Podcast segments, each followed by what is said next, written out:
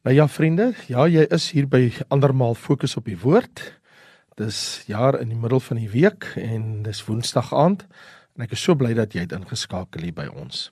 Ek is Raymond Lombard en wil met jou gesels hier uit Johannes hoofstuk 4 vers 16 tot en met vers 26. So ek gaan vir jou lees in Johannes 4 vanaf die 16de vers. Jesus sê vir haar: "Gaan roep jou man en kom hier." Die vrou antwoord en sê: Ek het nie 'n man nie. Jesus sê vir haar: Jy het reg gesê ek het nie 'n man nie, want jy het 5 mans gehad en die een wat jy nou het, is nie jou man nie. Dit het jy met waarheid gesê. Die vrou sê vir hom: Here, ek sien dat u 'n profeet is. Ons vaders het op hierdie berg aanbid en julle sê dat die plek waar ons behoort te aanbid in Jerusalem is. Jesus sê vir haar vrou: Glo my. Daar kom 'n uur wanneer julle nie op hierdie berg en ook nie in Jerusalem die Vader sal aanbid nie. Julle aanbid wat julle nie weet nie. Ons aanbid wat ons weet, want die saligheid is uit die Jode.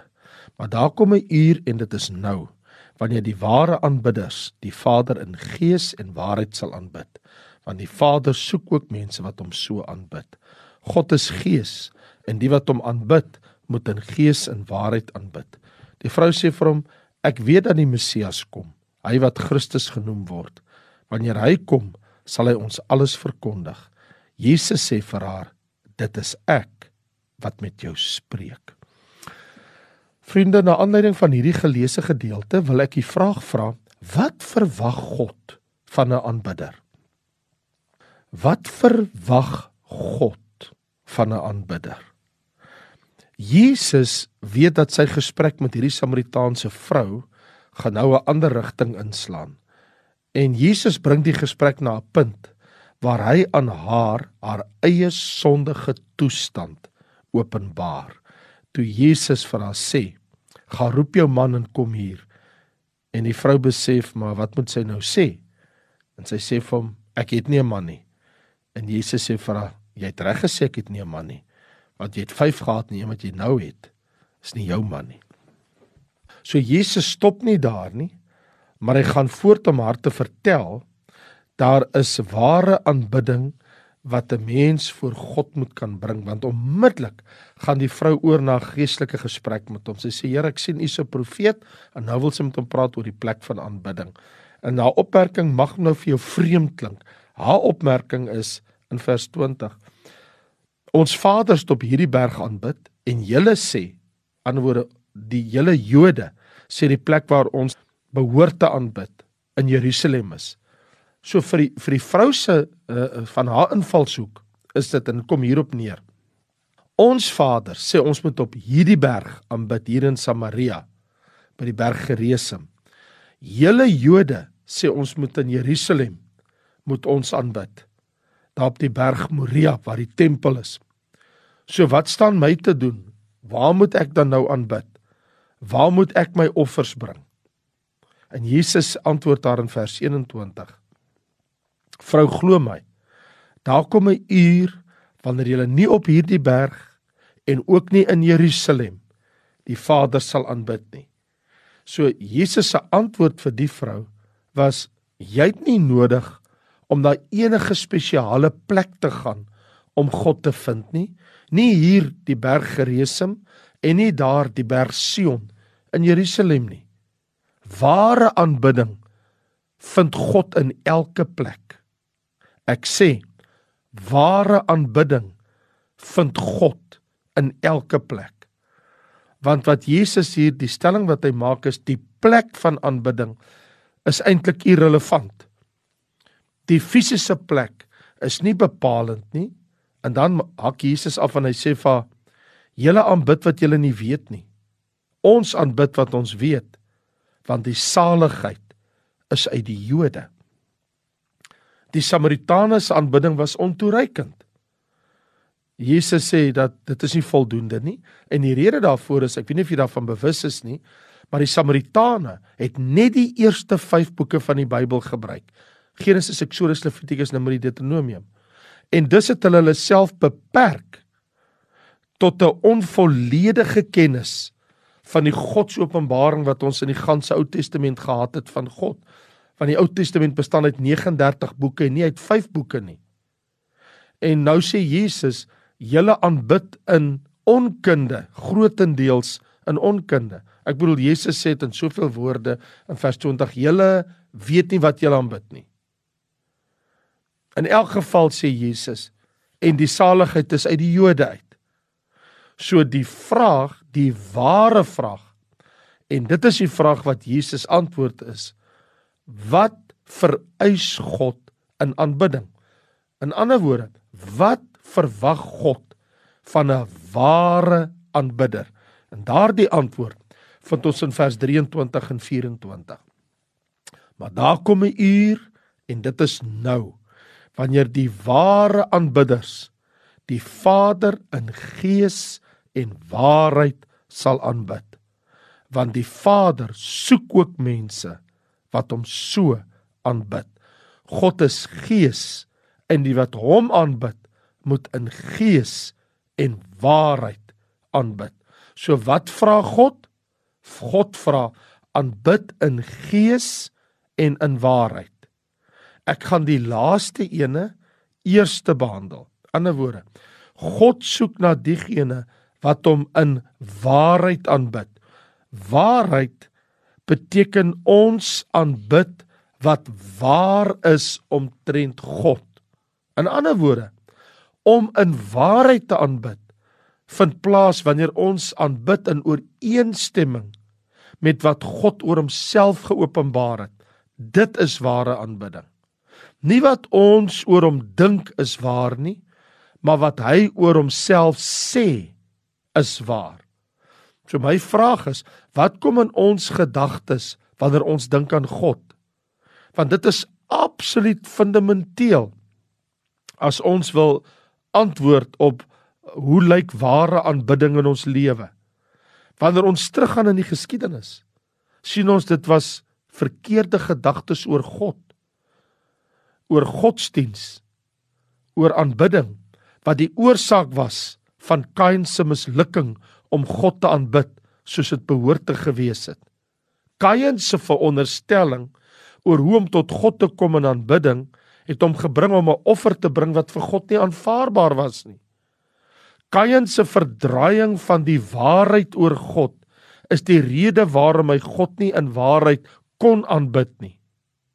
Jy sien, wanneer mense of die gemeente se konsep van God vaag of versteur of verdraai is sal dit net die aanbidding tot God in waarheid affekteer nie nie net dit affekteer nie dit sal selfs 'n morele verval laat intree want 'n verkeerde denke oor God resulteer in afgoderry omrede so 'n hart aanneem God is anders as wat hy sê hy is, soos wat ons sien in Romeine 1 vers 21, omdat hulle alhoewel hulle God geken het, hom nie as God verheerlik of gedank het nie. Daarom het hulle dwaas geword in hulle oorlegginge en hulle onverstandige hart is verduister of soos vers 23 sê en hulle het die heerlikheid van die onverganklike God verander in die gelykvormigheid van die beeld van 'n verganklike mens en van voëls en viervoetige en kruipende diere of soos vers 25 sê hulle wat die waarheid van God verruil het vir die leuen en die, die skepping vereer en gedien het bo die skepper wat geprys moet word tot in alle ewigheid. So wil ek sê hoe jammerlik want die waarheid is hierdie tipiese moderne dag konsep van God is ver weg van die Bybelse openbaring van wie God werklik is. In baie godsdienstige kringe vandag en baie kerke vandag sentreer alles oor my. Dis ek wat God vir my kan doen. En dit gaan net oor hoe kan jy geïnspireer word? Dit gaan oor jou en jou eie behoeftes, hierdie eie ek. En God word vir hierdie mense 'n tipe van 'n kosmiese slotmasjien, soos wat jy kry as jy na 'n dubbelplekke casino gaan. In plaas van om geld in te gooi, al wat jy doen is, jy gooi net 'n klomp skriftekste in. En dan kry jy wat jy wil hê. By baie is dit mos die populêre konsep van God vandag. Die God wat vir my gee net wat ek wil hê. Ek moet net 'n paar skriftekste aanhaal en dan moet ek die dit van die Here eis asof God my my slaaf is en God staan gereed om net vir my te gee wat ek wil hê. Weg is die vrees en die eerbiedwaardigheid en die agting, the reverence of God. Dit bestaan nie by hierdie mense nie. Luister.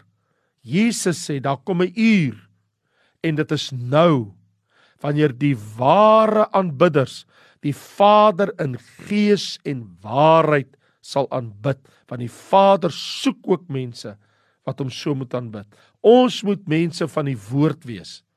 Die rede is tog duidelik. Die duidelikste helder openbaring oor God en wie hy is, is tog opgeteken in die Bybel. In Jesus se gebed was met groot erns in Johannes 17 vers 17 toe hy bid en hy sê Vader, heilig hulle in u woord. U woord is die waarheid. So God se woord bevat en openbaar die waarheid omtrent God. Indien ons die Vader in waarheid wil aanbid, moet ons hom sien soos die skrif hom aan ons voorhou. Ware aanbidding sê Jesus aan hierdie Samaritaanse vrou sluit in die totale openbaring van God se waarheid. Jy gaan dit nie kry net in Genesis, Eksodus, Levitikus, Numeri en Deuteronomium nie. Die tweede punt wat ek wil maak, want die vraag wat ons mee worstel is, wat verwag God van 'n aanbidder? Het ons gesê dat ek ten eerste met jou praat oor God moet in waarheid aanbid word die waarheid oor wie God is in die Bybel van wie God werklik is. Ten tweede sê Jesus ook in gees. So God soek na diegene wat hom in gees aanbid. Vers 24 sê God is gees en die wat hom aanbid moet in gees en waarheid aanbid. So Vader soek aanbidders wat in gees aanbid. En Jesus praat nie hier van die Heilige Gees nie. Jesus praat van aanbidding met of in die menslike gees. Wat Jesus hiermee bedoel is, Vader soek na mense wat nie net in waarheid hom aanbid nie, vir wie hy is nie, maar hy soek na aanbidders wat uit die diepte van die innerlike mens, die gees aanbid. Laat my dink aan die prediker Spurgeon. Hy het eendag gesê, God does not regard our voices He hears our hearts. And if our hearts do not sing, we have no song at all. Jy sien, God is gees. Wie hom wil aanbid, moet in gees aanbid. As God gees is, dan is God nie gebind aan dinge nie. As God gees is, dan is God nie gebind aan plekke nie. As God gees is, dan moet die mense aanbidding in gees wees. So ware aanbidding is wanneer die menslike gees dit is hierdie onsterflike onsigbare deel van die mens in waarheid spreek om te praat en ontmoet met die Vader wat self onsterflik onsigbaar vir die menslike oog is.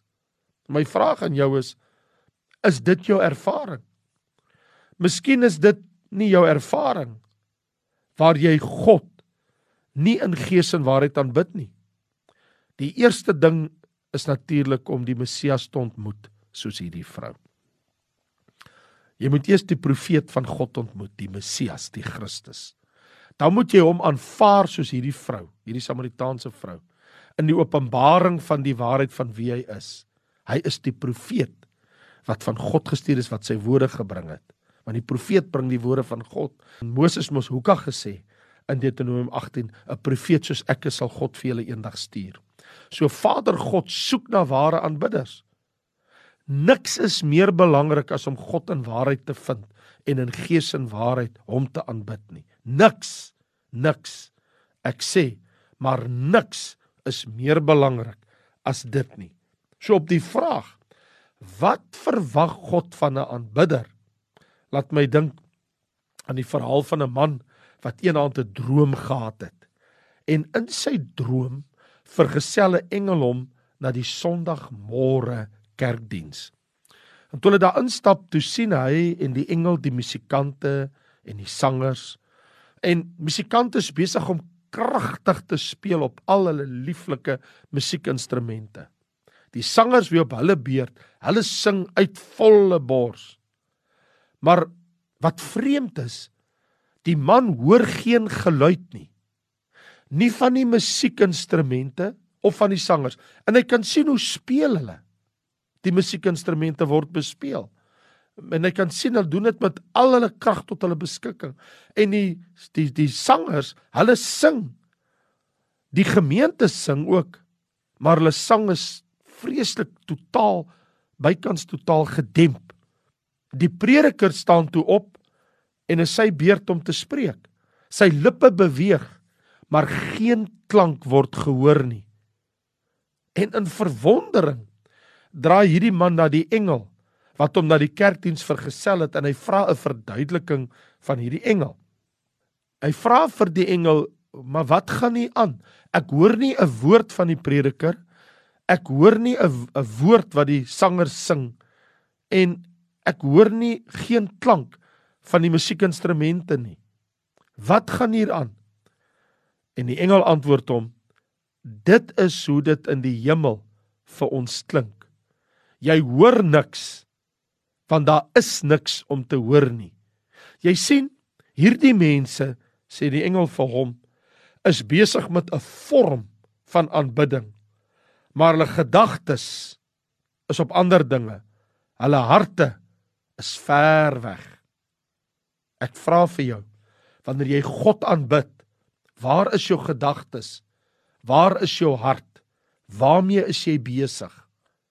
Die Here sê, die wat God aanbid, die wat die Vader aanbid, moet in gees en in waarheid aanbid want die Vader soek ook mense wat hom so aanbid want God is gees en die wat hom aanbid moet in gees en waarheid aanbid. Mag dit my en jou ervaring wees dat ons in gees en in waarheid dat ons met die wete wie God is wie die een is vir wie ons kom staan. Hy's nie 'n kosmiese slotmasjien. Ek kom nie na hom om 'n klomp tekste na hom toe te gooi en te verwag dat as ek hulle ingegooi het, dan moet alles uitspring wat ek wil hê nie. Maar ek buig voor God in eerbied, eerbiedwaardigheid. I have a reverence for God, die vrees van die Here. En ek kom buig voor die lewende God die Vader van alle geeste en vlees en ek aanbid hom in gees en in waarheid. Ek aanbid hom uit die diepste van my wese. Bring ek my lof en my dank en my eer en my aanbidding en dien ek hom as die Vader van die heerlikheid in die naam van Jesus Christus. Nou ja, toe my tyd is daarmee heen, ek moet afsluit. Mag die Here vir jou seën. Skakel gerus weer in band Sondag aand gesels ek weer met jou verder hier by Fokus op die woord.